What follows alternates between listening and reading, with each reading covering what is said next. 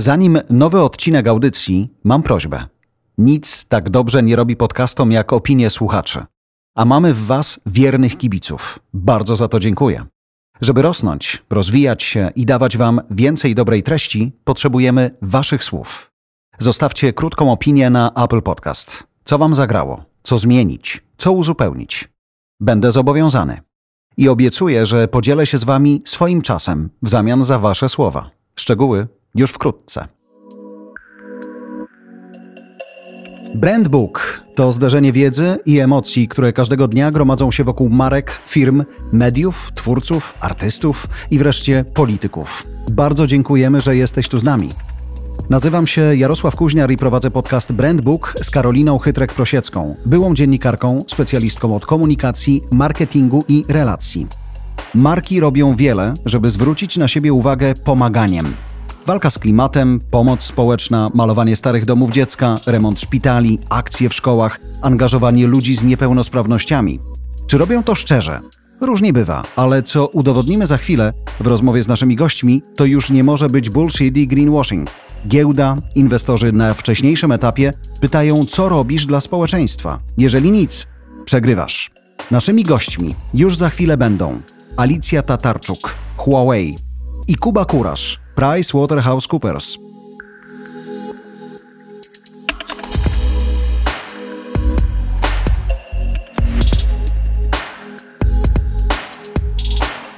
Corporate Social Responsibility, w skrócie CSR, czyli społeczna odpowiedzialność biznesu. Karolina mówi, pogadajmy o tym, bo to się bardzo dynamicznie zmienia. Skoro jesteśmy podcastem Brand Book, dzisiaj dla marek szukanie takich sposobów, w których one mogą powiedzieć, o, zarabiamy pieniądze, tak, ale nie mówmy o tym głośniej niż o tym, że pomagamy psom, pomagamy biednym, pomagamy biednym dzieciom, robimy tysiące innych rzeczy, jest, wydaje mi się, czasem ważniejsza. Ale absurdalne moim zdaniem. Absurdalne, jeśli No źle tak. to robisz. Wiesz, nie, to nie o to chodzi. Biznes jest nastawiony na zarabianie pieniędzy. To jego DNA, tak. Tak? Więc takie silenie się. Dlaczego mówię o sileniu się? Bo w momencie, kiedy CSR jest dobrze komunikowany, a muszę tutaj powiedzieć o akcji, która mnie zainspirowała do tej rozmowy, czyli to było chyba Media Expert, pamiętasz? Mhm. Jak były takie upały, e, oni y, wywiesili taki komunikat, że zapraszamy z psami, nie zostawiajcie swoich przyjaciół na zewnątrz, wejdźcie do sklepu i tak dalej. Potem widziałam, że kolejne podmioty z branży podążyły za nimi. I to była akcja, którą też na swój sposób chyba można nazwać taką CSR-ową. ale Real time CSR. tak, ale to było tak trafne wizerunkowo, bo ta akcja pokazywała, że ktoś tam naprawdę ma serce, Tylko że ktoś myśli. I wiesz, i i wiesz, dlaczego mnie zainspirowało to do rozmowy o CSR-ze? Bo ja pamiętam jeszcze z czasów dziennikarskich, a pracowałam z biznesem, e, pracując w dziennikarstwie ekonomicznym, gdzie ciągle notorycznie ktoś próbował nam wcisnąć jakiś CSR. A powiedzcie, bo my to robimy, powiedzcie o tym, bo my to robimy w ramach CSR-u. A to było wszystko po prostu tak koszmarnie nudne. Lekko nawet powiedziałabym wymuszone, wiesz, po prostu masz w tabelach jakieś KPI, które w obszarze CSR-u musisz zrealizować i je realizujesz. Bez pomysłu, bez spójności z DNA firmy, bez spójności z marką. Tylko poczekaj, wiesz. chciałbym, żebyśmy rozróżnili. CSR ma sens. Źle Tak. zrobiony CSR ma mniejszy sens. Tak. Ale powiedziałaś o komunikowaniu CSR-u. Rozumiem, że dla niektórych e, CSR jest e, lewarem e, w komunikacji, Tak. marketingu, PR-ze. Tak. Ale nie da się tego rozłączyć. Nie da się robić CSR-u po prostu takiego z sensem, który właśnie po to jest robiony. Nie żeby lewarował dział PR-u czy marketingu, tylko po to, żeby realnie komuś pomógł. Nie da się? Ale ja właśnie tak rozumiem CSR. Znaczy, masz jakąś odpowiedzialność jako biznes względem środowiska, społeczności, społeczności lokalnych, y, mniejszości, w zależności od tego, w jakim obszarze działasz, tak? I to nie jest tak, że to ma być dla ciebie dobry PR, bo dobry PR sprzeda się sam. Tak? Tylko ty masz pewnego rodzaju zobowiązanie i na tym powinien polegać CSR. A tymczasem dla większości PR-owców w dużych korporacjach CSR jest sposobem na dobry PR. I Jest to czy mnie, był? Bo wydaje mi się, że moim dzisiaj... zdaniem ciągle jest, wiesz? Dzisiaj jak popatrzysz na świat chociażby firm odzieżowych, to one już nie mogą greenwashingować na zasadzie nie, my tu dbamy o środowisko, a reklamy coraz częściej o tym mówią. Kup raz i noś całe życie. Przynajmniej e, taka jest sugestia. Że dzisiaj też z uwagi uwagi na to, że bardzo łatwo jest powiedzieć sprawdzam, bardzo łatwo jest taką firmę zaczepić publicznie i pokazać jej, że to jest greenwashing i że do niczego dobrego to nie prowadzi, to one bardziej uważają na to, żeby nie pieprzyć bez sensu. Może. Może masz rację. Ja włączyłam sobie już taki filtr mhm. na tego typu aktywności, że być może już nawet tego nie dostrzegam. Natomiast ciągle jednak spotykam się z takimi prośbami, że coś tam robimy w ramach naszej aktywności. Czy Państwo mogliby o tym napisać, o tym powiedzieć? A tymczasem chcę powiedzieć z pełną świadomością o jednej sytuacji, która właśnie obok tej, która zainspirowała mnie do naszego spotkania, jest takim bardzo klasycznym dla mnie CSR-em. Chodzi o dwa równoległe zdarzenia. Pamiętasz, jak była wielka historia związana związana z AstraZeneką mhm. i niepożądanymi odczynami poszczepiennymi związanymi ze szczepionką przeciwko COVID-19. Bardzo zły PR wówczas miała AstraZeneca, fatalny powiedziałabym wręcz, a jednocześnie w Polsce oddział tej firmy, i wiem to, bo sama prowadziłam takie warsztaty, robił niesamowite warsztaty dla kobiet cierpiących na bardzo, bardzo takie zaawansowane i trudne nowotwory. Brało w tym udział mnóstwo pacjentek, ale nikt jakby nie parł na to, żeby media o tym mówiły. I dla mnie to jest właśnie CSR, czyli robisz coś dla społeczności, za którą jesteś w pewnym sensie odpowiedzialny, bo to, że zarabiasz na lekach, to jest normalne, jesteś firmą farmaceutyczną, ale jednocześnie jeszcze dajesz coś od siebie, tak? Dajesz wiedzę, wiedzę wiedzy, której na przykład często te pacjentki nie dostaną od lekarza, albo pozwalasz im się właśnie spotkać z tym lekarzem. Ten lekarz znajduje czas dla ciebie, żeby odpowiedzieć na wszystkie twoje pytania, wszystkie twoje wątpliwości, powiedzieć na jakim poziomie zaawansowania jest w tej chwili to leczenie, co jeszcze cię czeka, a czego już na pewno nie możesz dostać. I to mi się podobało. I, to, i zobacz, i to mi pokazało, to są dwa równoległe, to się działo dokładnie, Jarek, w tym samym czasie. Myślę, że problem polega na tym, że kiedy wkładasz do jednego wora marketing, PR i CSR, no to tak się to może skończyć, że kiedy masz fajną akcję CSR-ową, to media się już tym nie zainteresują albo odeślą cię do biura sprzedaży, żebyś zapłacił za to, że tak, o tym poinformują, tak, tak. co najczęściej dzisiaj się dzieje, dlatego, że właśnie do tej pory przyzwyczaiłeś media do tego, że to była akcja PR-owa, więc dzisiaj nawet jak robisz coś fajnego, stary, my nie wiemy, gdzie jest granica. To znaczy inaczej, my wiemy, gdzie jest granica. Tylko z drugiej strony to musi być coś naprawdę takiego bardzo wyjątkowego, moim zdaniem. Ale poczekaj, no co może być wyjątkowe? Wiesz, no Słyszałem każdy... ostatnio historię bardzo no. znanej, gigantycznej firmy, która sprzedaje różne rzeczy w sieci i oni mieli ten problem, że zrobili coś, co e, w, w czasach COVID-u było potrzebne szpitalom i kiedy nawet widzieli kamery u siebie na miejscu, mhm. ale kiedy nagle okazało się, że z tych kamer materiał w ogóle nie pojawił się w żadnym e, przekazie e, medialnym, w tej telewizji, która przyjechała, okazało się, że e, wyzwaniem jest to, że no, telewizja, media powiedziały, no zapłać, to pokażemy. I to jest właśnie ten moment, kiedy, kiedy media same ustawiają w ten sposób sprawę. Ale masz dzisiaj media społecznościowe i naprawdę dotarcie z taką informacją, że robisz coś wartościowego, nie jest aż takie trudne. Naprawdę. Między faktami, wiadomościami dla niektórych i Polsatem dla niektórych, a jednak Jarek, mediami społecznościowymi media, nie masz media, tego zasięgu. No. Ale media muszą selekcjonować informacje. Ja nie rozumiem takiego przekonania, że media muszą powiedzieć o wszystkim. No nie, no nie pomieścisz całego świata w jednym wydaniu faktów, wiadomości czy wydarzeń. No nie ma takiej możliwości. I nawet jak masz telewizję informacyjną typu TVN24 czy Polsat News, też nie jesteś w stanie upchnąć tam wszystkiego. No, są po prostu obszary, o których się mówi. To są telewizje informacyjne. To jest, to, to w tym jest zawarta jakby clue działalności tych mediów. To gdybyś była wydawcą, teraz, poczekaj, byłabyś wydawcą i dostajesz informację o tym, że duża firma przekazała milion na sprzęt do jakiegoś szpitala, który jest w stanie e, pomóc w walce z COVID-em. Czy to jest informacja ważna dla mediów, czy nie? Już ci mówię. Jeżeli to jest jeden, jedyny milion, tak. Ale takich milionów było dziesiątki. Mhm. Ale właśnie, Bo sama się zderzyłam z taką sytuacją. Ale wtedy przebija się do mediów ta informacja, która pochodzi od firmy, która ma lepsze relacje z mediami, czy większy milion się przebija? E, moim zdaniem zazwyczaj wtedy przebija się ten, kto jest pierwszy. Okej, okay. a potem dostaje się normą. E, a potem po prostu wszyscy podążają za nim. No niestety, taka jest brutalna rzeczywistość. Tak? Jeżeli pierwszy wpadniesz na dobry pomysł zagrania tego typu akcją, e, no to jesteś wygrany podwójnie. Czyli tak? kto pierwszy kupił respiratory, kto pierwszy kupił maseczki, wygrał. Dobrze o tym powiedział, a reszta reszta naturalne, że to zrobiłeś. Tamci byli pierwsi, ale więc o tym już nie mówimy. Ale oczywiście, wiesz, oczywiście możesz powiedzieć o tym potem zbiorczo, mhm. że w sumie tam, nie tak. wiem, biznes francuski, amerykański przekazał x milionów, tak? Ale to już się staje normą i właśnie o tym chcę powiedzieć, że to naprawdę musi być coś bardzo ciekawego, coś bardzo wyjątkowego, żeby to gdzieś w przestrzeni zagrało.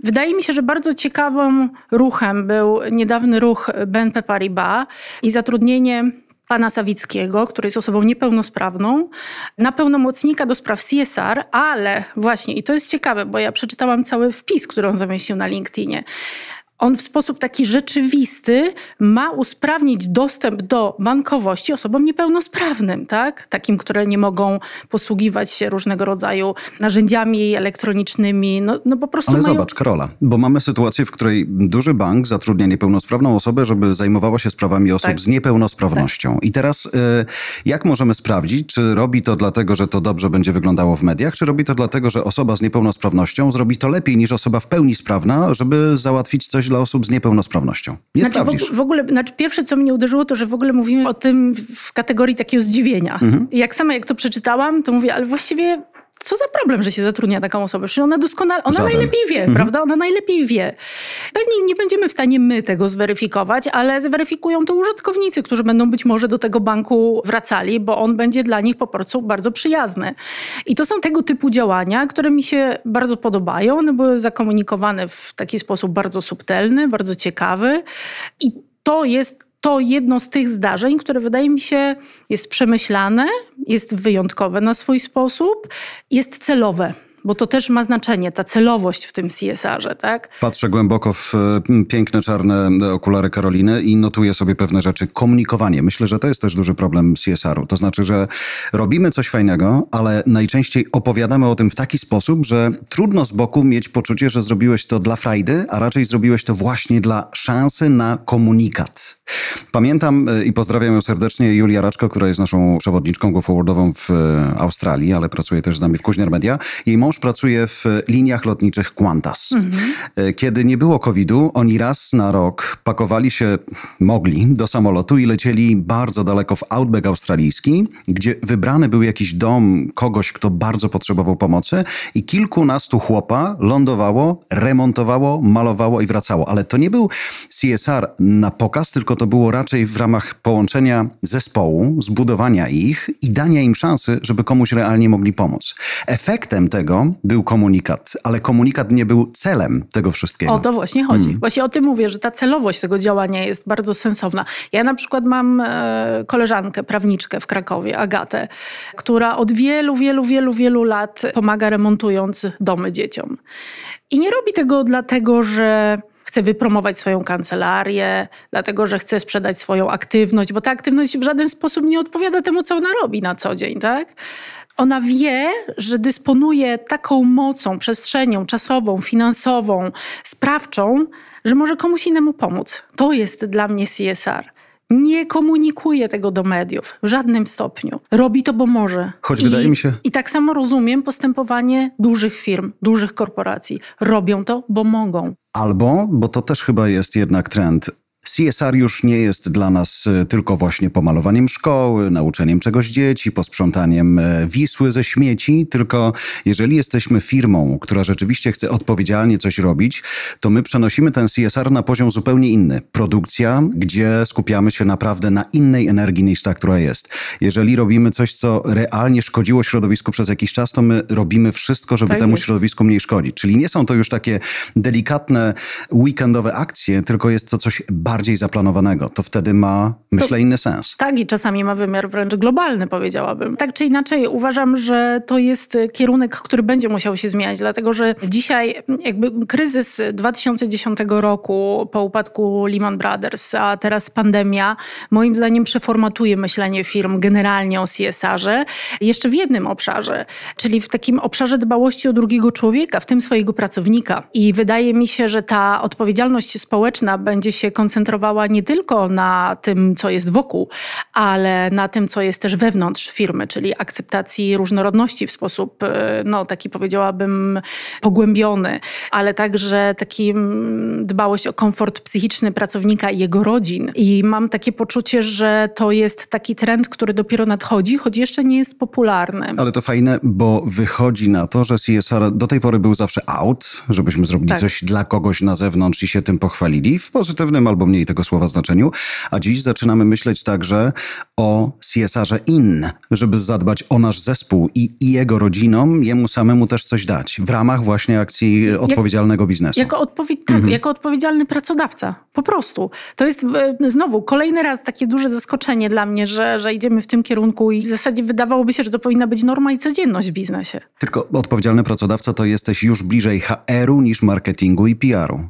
co może... Wiesz co, niekoniecznie, bo y, za tym, jakim jesteś pracodawcą, idzie opinia na zewnątrz. Mhm. Więc to jest taki self-made, wiesz, marketing. Mimo wszystko uważam, że budowanie wizerunku jest nie tylko takim budowaniem wizerunku mechanicznym, ale także umiejętnością postępowania w stosunku do zespołu, zarządzania tym zespołem, budowania lojalności tego zespołu, zrozumienia dla niego. I jeżeli rzeczywiście firma w ten sposób funkcjonuje, to niewiele musisz robić, żeby to było widać na zewnątrz. Naprawdę. Bo widzisz pracownika, który chętnie tworzy team, który chętnie przychodzi do tej pracy, który nie jest udręczony, zmęczony, wypalony. To wiesz, moim zdaniem to naprawdę na zewnątrz widać, jak prowadzona jest organizacja. I to nie musi być marketing w takim czysto produktowym rozumieniu. To może być po prostu dobry wizerunek i tyle. I tak wydaje mi się, że w tym kierunku będzie szedł CSR. Tak do, to czuję. Do, Ale zapytamy może specjalistów. To prawda. Do tej naszej rozmowy zaprosiliśmy dwoje ludzi, którzy zajmują się CSR-em. E, Alicja Tatarczuk jest szefową CSR w Huawei w Polsce, a Kuba Kurasz pracuje w Price Waterhouse Coopers, czyli w PWC. I oni będą naszymi gośćmi w podcaście Brandbook już za chwilę. Kuba, Ala, dzień dobry. Czy Dzień dobry. Dzień dobry. CSR dzisiaj to jest coś łatwego do zrobienia, ale? To jest coś bardzo trudnego, bo to jest element, który jest wpisany właściwie w kor działalności firmy, w strategię. Tak? To nie jest to, co się wszystkim kojarzy, czyli dobroczynność i filantropia. O tym przed chwilą plotkowaliśmy. Że są KPI. Że przez...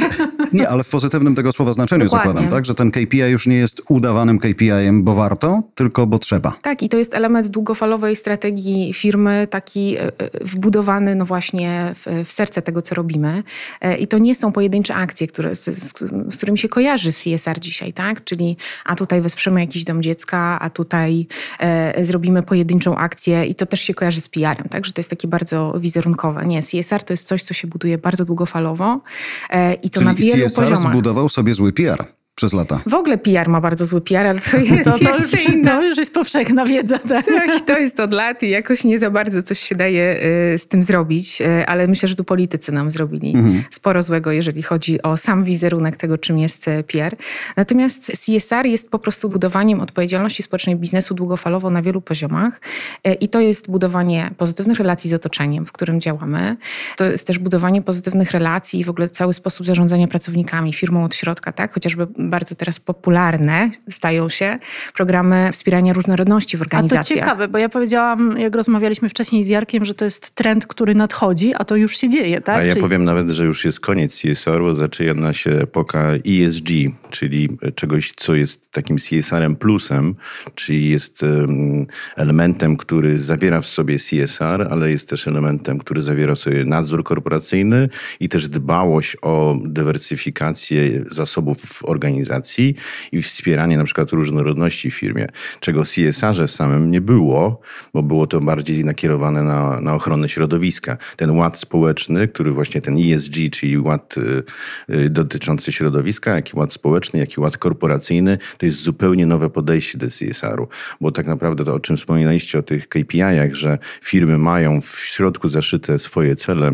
y, dotyczące wsparcia właśnie inicjatyw zrównoważonego rozwoju, czyli czy tej ESG, a nie mówią już teraz o CSR-ze samym sobie, to też menadżerowie czy zarządzający firmami mają swoje indywidualne KPI dotyczące tego, ile inicjatyw oni sami zrealizowali i w jaki sposób promują te wartości, które ESG w sobie Ale zawiera. Ale podaj mi przykład, Kuba, tego, bo ja mam cały czas, słuchajcie, takie poczucie i ty masz też doświadczenie, Kuba, dziennikarskie, że jak ktoś do mnie mówił, jeszcze pracując w CNBC, bo my w obszarze CSR-u to robimy coś tam, to ja po prostu dostawałam drgawek, bo to było zazwyczaj dość nudne, mało celowe, nieprzemyślane. Ale wiesz co, jak ja byłem dziennikarzem, to miałem to samo. To znaczy, jak ktoś przychodził do mnie z ciekawym nawet y, case'em takim CSR-owym, to mówiłem, wiesz co, to jest marketing, to jest PR, to nie jest y, news Ja tego nie chcę w gazecie na przykład, tak? Dopiero po drugiej stronie jakby zrozumiałem trochę, y, czemu to służy. Mhm. Bo, bo, bo to się wszystko zaczęło od tego, że po prostu w środku są ciśnienia w organizacji, to znaczy jest i pokolenie milenialsów, i pokolenie Z, które chce pracować w firmach, które mają cel społeczny, które coś realizują, które zmieniają rzeczywistość, a nie tylko i wyłącznie są nastawione na zysk. To jest jedna rzecz, czyli w środku są bardzo duże ciśnienia.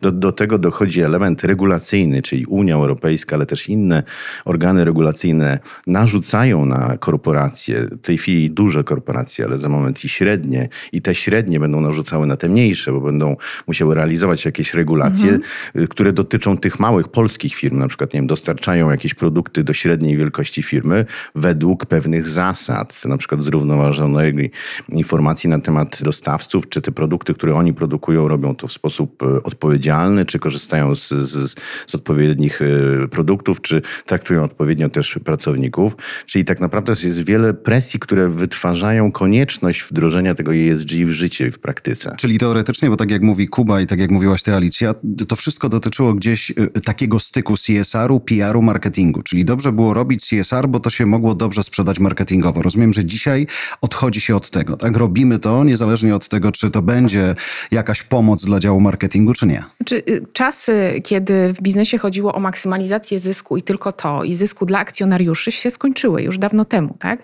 Dzisiaj CSR to jest reorientacja celów biznesowych, żeby ten zysk był budowany nie tylko dla własnych akcjonariuszy, ale tak naprawdę to budowanie zysku i maksymalizacja zysku dla Twoich akcjonariuszy jest tylko środkiem do większego celu, do tego, żeby Twój biznes wpisywał się w szerszy kontekst, służył społeczeństwu, dostarczał dóbr i usług, które służą poprawie jakości życia, ale bez też straty dla środowiska i dla otoczenia społecznego. No tak? Właśnie to Chodzi o budowanie wartości. Przykład, jeden przykład. Alicja. Znaczy ja może powiem Waszej jeszcze... działalności. Jeden przykład, taki, który rzeczywiście spełnia te wszystkie cele, o którym mówicie. Znaczy ja jeszcze może wrócę do usystematyzowania. Bardzo mi się podoba e, definicja profesora Rocka, e, czym jest e, mhm. CSR. Profesor Rock, jeden z najwybitniejszych właściwie w Polsce specjalistów od, od CSR-u, którego wprowadzał w Polsce, mówi właśnie o tym, że to jest budowanie wartości i mówi o takich trzech filarach, na których zbudowany jest CSR. Po pierwsze, to, to jest budowa relacji społecznych, z relacji z partnerami. Drugie to jest to, co jest wewnątrz organizacji, czyli wszelkie kodeksy etyki, też wpływanie na dostawców, tak?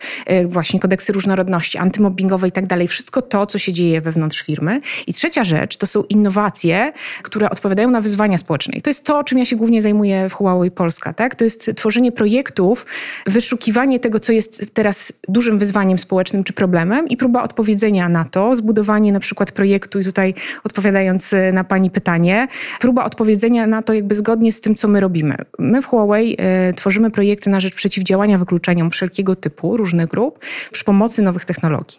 I na przykład mamy taką y, współpracę, z której jestem bardzo dumna z Fundacją Leże i pracuję. Jarku, poznałeś Majka Lipiak, założycielka tej fundacji. To jest fundacja, jednocześnie agencja marketingowa, która jest taką też nieustanną kampanią na rzecz zatrudniania osób z niepełnosprawnością ruchową za pomocą technologii.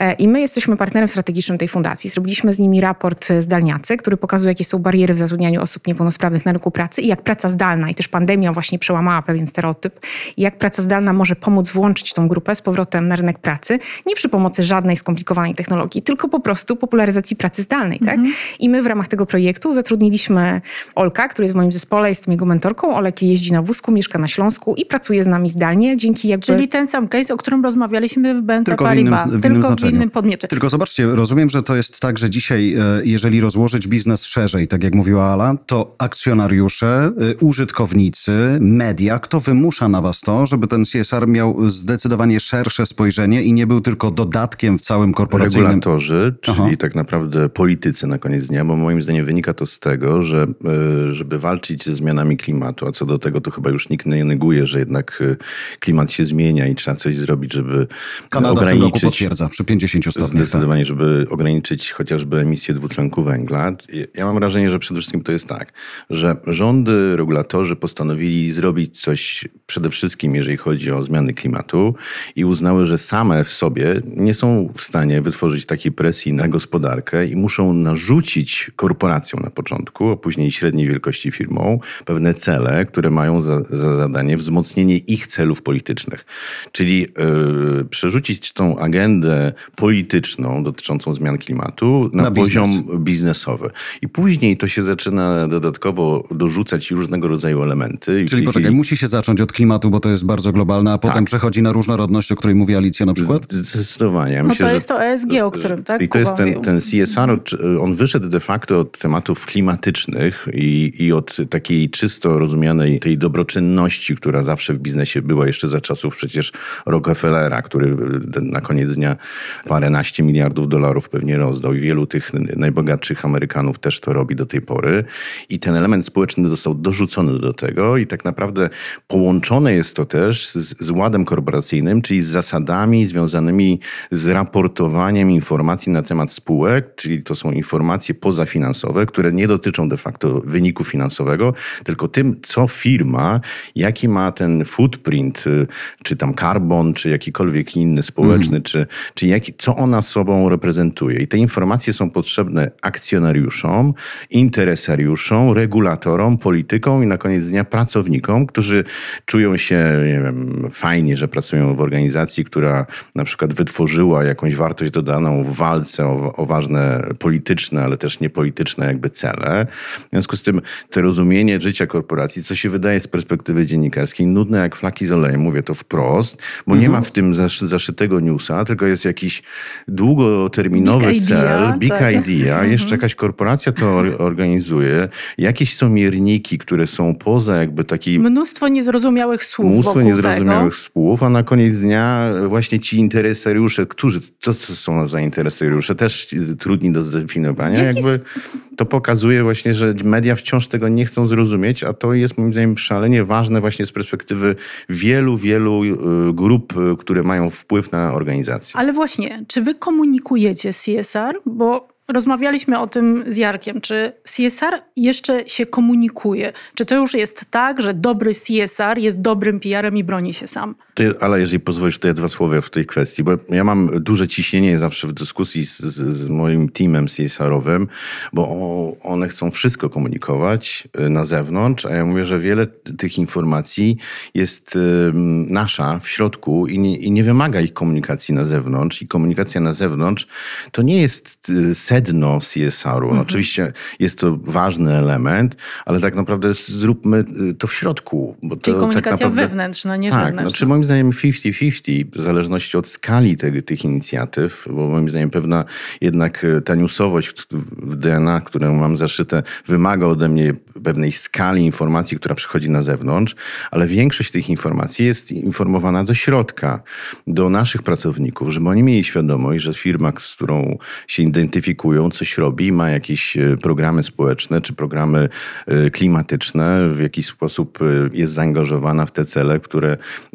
pracownikom jakby zależy, żeby zostały zrealizowane. Więc y, to jest ten dy dylemat. Więc nie wszystko jest komunikowalne. Skala jednak tych inicjatyw jest determinantem wyjścia na zewnątrz. U nas jest to, idzie dwutorowo. Z jednej strony zgadzam się z tym, Kuba, że bardzo ważne jest informowanie pracowników w środku i też takie budowanie poczucia dumy i wyższego celu, dlaczego oni tutaj pracują i że ich firma to nie jest tylko produkcja telefonów czy infrastruktury telekomunikacyjnej e, i że nie jesteśmy tylko dumni z technologii czy z jakości, którą osiągamy, ale też z tego, jakie mamy, przepraszam za anglicyzm, social value, tak? Co wnosimy mm-hmm. tutaj, y, y, co robimy ponad to. Trochę to jest takie giving back to society, tak? Jak, jak my się włączamy w budowanie, w rozwijanie tego społeczeństwa, które, tego kraju, który nam pozwala dziś tutaj funkcjonować, rozwijać y, się biznesowo.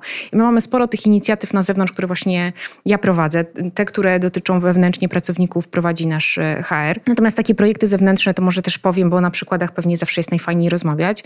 E, taki projekt, który ostatnio zrobiliśmy, który angażuje szereg różnych interesariuszy i partnerów. Interesariusze, to już jest Ach. słowo, na które ja po Też prostu... się prostujesz, ja też. No dobrze. A ja je bardzo lubię na przykład.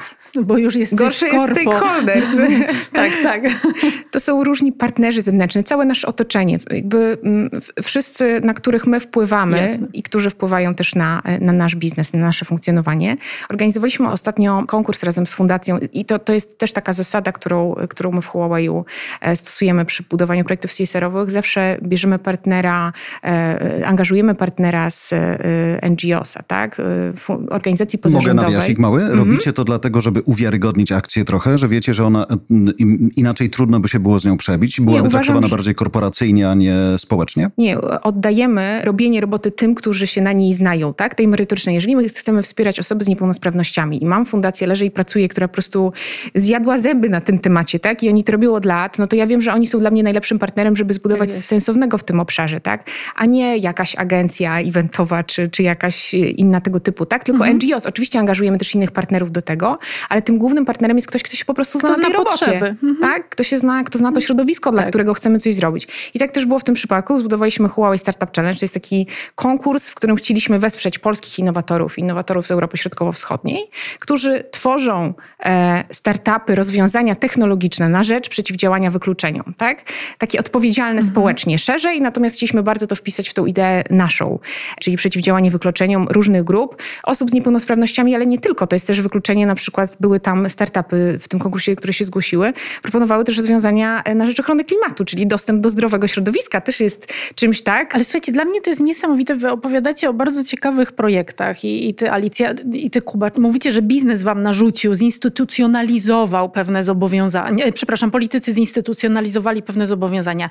Czy potem ci politycy korzystają z tego, co wy tworzycie y- wspólnie właśnie z NGO-sami albo innymi podmiotami? Y czy ten CSR jest, jest, taki, wiesz, dwustronny? Karina, to jest bardzo dobre pytanie. Pozwolisz, że... Dziękuję, Kuba. Opowiem o, kil, o, kilku, o kilku elementach, które się na to składają. Bo e, my cały czas dyskutujemy o tym CSR-ze i o tych inicjatywach, które są e, same w sobie interesujące, ale też na koniec dnia jest grono tych interesariuszy wokół organizacji, korporacji, firmy i oni mówią, no dobrze, give me the money, jak, jak, jak tak. to mówi klasyk. Nie? I, e, I są już badania, zwłaszcza w, w świecie anglosaskim, w Polsce może relatywnie mniej, ale za chwilę pewnie się pojawią, które pokazują, pokazują, że działalność pro publico bono, czy działalność ESG, czy CSR+, czy, czy po prostu działalność społeczna ma wpływ też pozytywny na wynik finansowy organizacji. To znaczy, że jeżeli tego nie masz, to coś tracisz też na koniec dnia, jeżeli chodzi o podział zysku dla akcjonariuszy i dywidendę. Czyli e, wraz z ściśnieniem regulatorów, czytaj polityków, idzie też wyższy poziom zysku na akcjonariusza czy interesariusza. Mhm. W związku z tym to się ze sobą zaczyna wspólnie rozgrywać. To nie jest tylko i wyłącznie presja sztuczna ze strony polityków i regulatorów, ale też dzięki tej presji wytwarza się większa wartość organizacji, na koniec dnia ta firma ma większy zysk. Poza tym jest to też korzystne z perspektywy zatrzymania tego pokolenia milenialsów i też wchodzącego na rynek pokolenia Z, które uwielbia rotować się wobec różnych organizacji. Tu popracuje rok, tu popracuje pół roku, a tam w ogóle popracuje kilka miesięcy, więc zaangażowanie tych pracowników dzięki tego rodzaju akcjom jest relatywnie większe. To są odpowiednie badania. W związku z tym, patrząc na to wielotorowo, to się firmom opłaca, zwłaszcza w kontekście tego frameworku y, prawnego, czyli tego ECG, czyli tych mierników, które wchodzą w S, czyli ochrona środowiska jest bardzo mierzalna, jeżeli chodzi no o te właśnie, rzeczy. Bo ten, ten, ten, zapytać. Te dwa elementy są y, jeszcze mniej mierzalne, ale zaraz będą bardzo mierzalne, bo wszyscy regulatorzy w Unii Europejskiej i w Stanach Zjednoczonych tworzą regulacje, żeby to zrobić. A jeszcze już kończąc ten element, ECG w sektorze finansowym, to jest w ogóle moim zdaniem fenomenalne, bo Unia Europejska, wiedząc, że sobie nie poradzi na poziomie politycznym z zmianami klimatu, przesunęła na sektor finansowy, który jest jakby tym krwobiegiem gospodarki, no mówiąc wprost, ciśnienie klimatyczne. To znaczy, halo, halo, nie możecie udzielać kredytów firmom, które wytwarzają bardzo dużo CO2, które e, zanieczyszczają środowisko, no i stąd problemy polskich kopalni i innych spółek Chyba energetycznych. Jednym z pierwszych podmiotów w Polsce, który dostał, słuchajcie, kredyt na bazie ESG była Energa. E, I to było właśnie jednym z warunków przyznania finansowania. Więc tu jeszcze jest ten ciekawy element dla mnie, bo ja mam takie poczucie, że. Ekonomicznej presji. Tak, ale co innego chciałam powiedzieć, że większą świadomość i potrzebę, nie wiem czy się ze mną zgodzicie, realizowania tych wszystkich założeń ma biznes w sensie komercja, a nie spółki Skarbu Państwa, które de facto powinny kreować tę kulturę w biznesie. Widzę, że się oboje tak. Ale nie wiem, czy zauważyliście, że, że w spółkach Skarbu Państwa w ciągu ostatniego roku też bardzo dużo się zmieniło, jeżeli chodzi o taką ich narrację klimatyczną. Jeszcze kilka lat temu żadna ze spółek y, nie mówiła korzystnie o zielonej transformacji, a teraz Green Deal i zielona transformacja to jest słowo klucz. Tak jak innowacje jeszcze kilka lat temu, tak. czy digital transformation obecnie. Tak? W związku z tym to się zmienia i moim zdaniem za moment będzie to też kwestia y, transformacji społecznej, dywersyfikacji i inkluzywności za kilka lat. Tego Czyli się... CSR i ESG są ostatecznie skutecznym wymiarem nacisku. Zdecydowanie. Znaczy, to może nie jest newsowe z perspektywy mediów, które oczekują bardzo tu i teraz y, czegoś takiego. Bomby. Bomby, cyfry i tak dalej, ale jak spojrzymy na to, jak ten ESG działa na organizację, na zarządzanie, na strategię, hmm. no to to jest moim zdaniem bardzo dobry element wspierający y, regulacje, jeżeli one oczywiście są mądre. A w przypadku zmian klimatu, no to zgadzamy się co do tego, że trzeba zrobić wszystko, żeby te zmiany klimatu jakby przestały być problemem problemem. Co też myślę jest fajne, że odeszliśmy już tylko od skupiania się na klimacie jako takim, a ten CSR zaczyna dotykać zupełnie innych obszarów, ale to, co jest ważne i to, co się rysuje w waszych wystąpieniach, czy, czy tym, co mówicie, że to już nie tylko jest out, że my się pochwalimy czymś na zewnątrz, ale tak naprawdę robimy ten CSR, czy jakkolwiek go nazwiemy, także, żeby wewnątrz firmy ludzie mieli poczucie, że warto tu być, warto z nami pracować, niezależnie od pokolenia, o którym mówi Kuba. Ja właśnie chciałam tutaj się trochę z Kubą nie zgodzić, bo Kuba przede wszystkim mówi o tym nacisku od góry, regulatora mhm. i tak dalej, a ja myślę, że tutaj ogromny nacisk, to ciśnienie idzie bardzo z dołu, od milenialsów. E, milenialsi za 10 lat e, będą stanowili połowę rynku pracy. Oni są z jednej strony pracownikami i dzisiaj w dużej mierze już pracownikami e, też korporacji i, i, wymuszają pewne zmiany. Firm w ogóle tak, są już mocno w biznesie obecni, ale to też są konsumenci. Tak? I oni po prostu to ciśnienie od dołu konsumentów, ale też tych młodych pracowników powoduje, że nie da się już dzisiaj robić tylko biznesu dla zysku, który nie jest odpowiedzialny. Jest kilka bardzo ciekawych badań dotyczących właśnie tego, jak milenialsi postrzegają e, przyszłych pracodawców i okazuje się, że dla ponad 80% z nich bardzo ważne jest to, jak zmieniają pracę, czy idą w ogóle do nowej pracy, czy e, firma jest odpowiedzialna społecznie. Czyli tak, dlatego nie możesz programy. nie być, tak? Już teraz. Oni też to dlatego, weryfikują? Też dlatego nie możesz nie być. Czytają o tym. I tu jest właśnie Naprawdę? wracamy do komunikacji. To jest dla nich ważne. Czytają o tym, czyli czy firma ma wizerunek odpowiedzialnej mhm. społecznie. Czyli musimy to komunikować jakoś, tak, no żeby też ci nasi przyszli pracownicy chociażby to wiedzieli. Plus tak wydaje mi się, że fajne jest to, że y, oni nie są produktów. takimi, którzy przeczytają, ale nie zweryfikują, że to są ludzie, których się tak łatwo nie oszuka mhm. samym napisaniem czegoś, prawda? To są ludzie, którzy muszą się jakby zweryfikują, czy masz rację, czy nie. Wszyscy chodzicie z mediów, więc wiecie, że y, w tych czasach naprawdę no media mówią sprawdzam i bardzo łatwo jest mhm. każdą informację sprawdzić, więc nie ale... da się y, po prostu na propagandzie zbudować jakiegoś wizerunku. Ale skoro jesteśmy przy mediach, e, to kiedy dyskutowaliśmy z Jarkiem na Twitterze o temacie dzisiejszego spotkania, e, to pojawiła się kwestia właśnie wspierania mediów w ramach CSR-u. No bo mówimy wszyscy o zmianach klimatycznych, tak? Mówimy o wsparciu jakichś wykluczonych e, społeczności, ale słuchajcie, dzisiaj żyjemy w czasach kryzysu informacji, fake newsów, propagandy, upolitycznienia mediów, o niedofinansowaniu mediów niezależnych. Czy wasze firmy mają w strategii wspieranie w jakiejkolwiek formule mediów niezależnych, a jeśli nie, to dlaczego? Znaczy, ja jako eks-dziennikarz to w ogóle mam wrażenie, że jak jestem 7 lat w tej firmie, to bardzo dużo ta firma zrobiła w kierunku wsparcia mediów i swoich partnerów mediowych. Znacznie więcej niż w tym okresie, kiedy mnie nie było. Mhm. E, to znaczy, my realizujemy różnego rodzaju projekty wspólnie z mediami i one mają za cel nie wyłącznie wsparcie tych mediów, ale tak naprawdę pokazanie dobrych praktyk na rynku. No, chociażby takie projekty jak, nie wiem, etyczna firma, które organizujemy z jednych z dzienników e, ekonomicznych, czyli pokazujemy dobre praktyki związane z etyką z firmy. Mamy też e, projekt związany z wsparciem polskiego eksportu. Ja to interpretuję jako to są nasze działania ESG, czyli CSR-owe, dotyczące dotyczące wsparcia dobrej jakości dziennikarstwa ekonomicznego i co do tego nie mam żadnych wątpliwości, że jest to, poza tym, że to jest ciekawe newsowo, ale też jakby jest to jest ele, nasz element budowania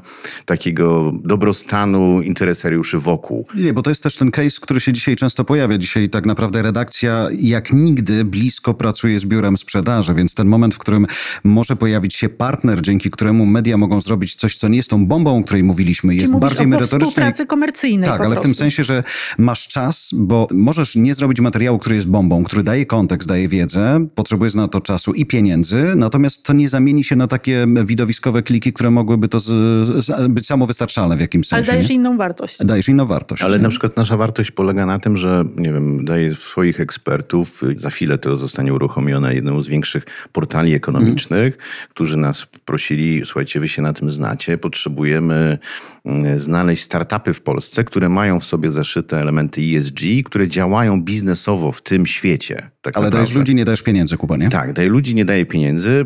Pieniądze daje bardzo, bardzo rzadko i relatywnie niewielkie pieniądze, ale tak naprawdę dzięki tym, tej naszej ekspertyzie ta dane Mhm. medium jest w stanie pozyskać partnerów finansowych, którzy nie mają ekspertów, Okej. a mają finanse. Czyli jesteś ko- koproducentem czegoś. Tak, My się jestem... trochę tak naprawdę- uzupełniamy, prawda? Bo, Tak. to A- pracujemy w zupełnie in, innego rodzaju. A jak to u was, Alicja, wygląda? Bo mnie to bardzo ciekawi, bo naprawdę, słuchajcie, wszyscy teraz oczekują od dziennikarzy, że oni poświęcą całe swoje życie na to, żeby prostować rzeczywistość, ale ci dziennikarze też muszą z czegoś żyć. I jak widzę mnóstwo portali, które gdzieś tam prowadzą zbiórki na to, żeby móc istnieć, to zastanawiam się, skoro biznes tyle mówi o, o tej odpowiedzialności, to uważam, że ta odpowiedzialność za A to zawsze jest szczególna. ryzykowne. Moim zdaniem to jest zawsze ryzykowne, Ale bo poczekaj, jeżeli... Jarek, ale nie Poczekaj, ale, ale ja ci nie odbieram, zaraz, ale odpowie. Tylko ten moment, w którym właśnie idziesz do patronów dlatego, jest podcast, który wygrał teraz w Stanach z New York Timesem, Mhm. trafił na polityczny.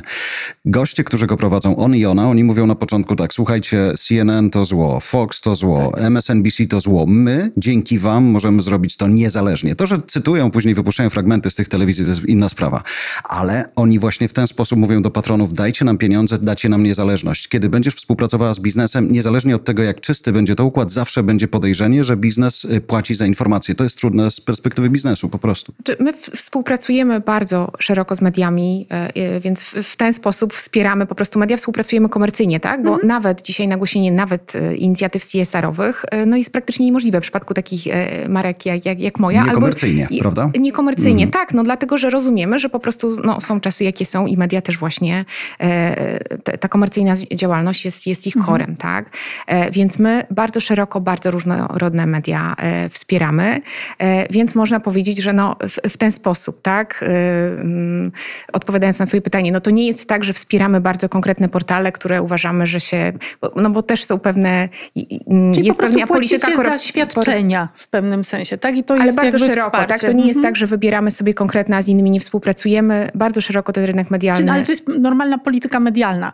Ja właśnie cały czas szukam, słuchajcie, takiego, takiej formuły rzeczywistego wsparcia No dziennikarstwa odpowiedział niezależnego. ci wtedy tak? na Twitterze, odpowiedział ci e, człowiek z LuxMedu, E, tak, tak, że, oni, że oni finansują nagrodę na Grand Press i dostaje ją, pół żartem, pół serio, to mówił co chwilę Wojtek Bojanowski, całkiem serio, za zajebistą robotę.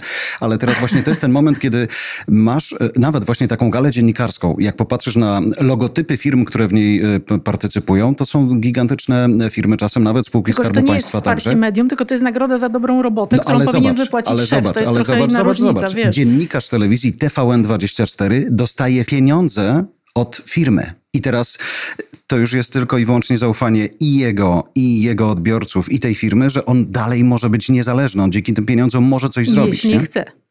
Ale Oczywiście. słuchajcie, mówimy o niezależności mediów i, i łączymy to z ESG, z CSR-em. To jest bardzo ciekawe, co to takie nie wiem, na koniec dnia, co to jest ESG, co to jest R, równa się niezależność mediów. My w Polsce trochę, myślę, Nie, że nie to jest, równa się, no myślę, co że to jest temat na, na kolejny podcast, jeżeli mam być szczery. I to jest pytanie, czy moglibyśmy bardzo być szczerzy e, w tylko. tej dyskusji, czy nie. No bo e, media są trochę same sobie winne i tą niezależność same utraciły e, w ciągu ostatnich 10 lat. Bardzo często na, na swoje własne życzenie, oddając e, zarządzanie redakcją e, działowi reklamy. mówiąc wprost. Nie wiem, ja muszę wrócić pamięcią do pięknych czasów, kiedy ileś razy przychodził ktoś z działu sprzedaży, proponując jakieś rozwiązania, które wedle mojego standardu etyki wykraczały poza rozumienie niezależności mediów i miałem na tyle siłę i moc, mówiąc, że dziękuję bardzo, tam są drzwi. Teraz e, redakcje są nawet zmuszone, ale nie wiem, czy to nie wynika też ze słabości redakcyjnych e, liderów, żeby powiedzieć nie. I im częściej mówią tak właśnie na takie dosyć dziwne, zależne różnego rodzaju rzeczy, tym ta jakość mediów i znaczenie, przede wszystkim prestiż mediów traci na tym znaczeniu i korporacje, firmy średniej wielkości, duże w zasadzie już nie czują potrzeby bycia w medium mainstreamowym, tylko tworzą tworzą sobie swoje własne kanały social mediowe, których zasięgi są już też znaczące. I nie wiem, no, od czasu do czasu współpracują z, z osobami, którzy w tym y, się specjalizują, ale te ciśnienie na mainstream zdecydowanie spadło, a przyczyny są wielowątkowe. Na pewno jedną z przyczyn jest słabość redakcyjna, ciśnienie w środku tych działów sprzedaży, które zresztą jest oczywiste, bo zawsze było, no i też y, słabość y, jakościowa po stronie korporacji, bo oni oczekują, zresztą ty wiele razy w podcastach mówiłeś, oczekują takich starych, nie wiem, no, banerów, y, nie ma subtelności w sprzedaży takiej treści. Łupnij mnie tak, kijem po głowie. Tak. Daj mi coś w Excelu, nie wiem, dwa miliony odsłon jakiegoś filmu. Inaczej so się what? nie da, tak. No tak naprawdę na koniec dnia. Nie? Ale wiecie, dochodzimy do takiego momentu, w którym i o tym zaczynaliśmy e, rozmowę na samym początku wprowadzenia w ogóle do, do naszego spotkania i, na, i tego wywiadu, że dzisiaj e, firmy takie jak czy PWC, czy Huawei, czy inne, które mają sformalizowane działy CSR, mają duży problem z tym, żeby z czymś, co jest fajne, ważne CSR-owo, przebić się do mediów od tak po prostu, żeby ktoś na to spojrzał jako na fajną inicjatywę. Jak sobie z tym radzisz, ale? No, też nasi partnerzy społeczni, czyli właśnie te organizacje pozarządowe, one też mają swoją, e, swoją sieć dotarcia, tak? To oni e, w dużej mierze też komunikują te nasze e, inicjatywy. My też nie mamy dużego ciśnienia na to, żeby cała Polska się o tym dowiedziała i zrobić o tym reklamę telewizyjną. Absolutnie nie. Na przykład jak pisaliśmy o konkursie, czy, czy promowaliśmy konkurs dla startupów, e, to szliśmy do portalu e, InPoland, który jest czytany przez to środowisko otoczenia e, innowacji. Tak? Bardzo dużo to, co Kuba mówi o własnych kanałach społecznościowych, też się na to przestawiamy, bo właśnie no, mamy ten sam problem, tak? że te media mainstreamowe już nie do końca odpowiadają na nasze potrzeby. Więc ta obecność w przestrzeni social mediowej zdecydowanie tak. Plus uważam, że dużą szansą dla mediów, jak widzę, jak się rozwijają podcasty i sama jestem ogromną fanką też twoich podcastów, mm. Jarku, e, waszego i, i, innych, które, które robisz, ale jest mnóstwo świetnej jakości podcastów w Polsce, które czasami są, e, są jakoś brandowane przez firmy, ale to już nie jest to, co mówisz, że kijem po głowie, tylko na przykład marka życzy sobie i my też szukamy czegoś takiego, żeby po prostu powiedzieć, że my jesteśmy partnerem, powiedzmy, jakiegoś cyklu, gdzie się dyskutuje o technologiach w sposób fajny, jakościowy, merytoryczny. Tak? Co jest fajne, bo to się łączy trochę z tym, o czym mówiliście w kontekście mm, potrzeby konkretnego pokolenia na posiadanie posiadanie CSR-u wewnątrz firmy. Dzisiaj słuchacze podcastów są bardzo czuli na to, czy to jest ściema, czy nie, więc tam nie możesz tego zrobić inaczej. Natomiast gdybyśmy mieli sobie na koniec y, podsumować y, i spróbować napisać taką nowoczesną definicję CSR-u, to dzisiaj w 2021 roku taki CSR dla ciebie, ale to co jest? To jest budowanie wartości w otoczeniu firmy, wewnątrz, z jej pracownikami. To jest reorientacja celów biznesowych nie tylko na maksymalizację zysku po prostu dla akcjonariuszy firmy, ale na budowanie większej wartości wokół i to się na koniec koniec nie opłaca wszystkim, bo dzisiaj rynki kapitałowe, to co też Kuba mówi o, o raportach niefinansowych, e, rynki kapitałowe też to oceniają. Tak? Raporty niefinansowe stają się coraz ważniejsze, bo zysk finansowy to jest pokazanie tego, jak firma sobie radziła w przeszłości, a e, raporty niefinansowe mówią o tym, jak firma będzie sobie radziła w, w przyszłości, tak? jak będzie funkcjonowała w tym otoczeniu szerzej. A jeszcze dwa słowa na temat tego, jak my sobie radzimy z, ze sprzedażą na zewnątrz naszych inicjatyw. Ja powiem tylko o jednej. My mamy taką inicjatywę, która już jest kolejny rok.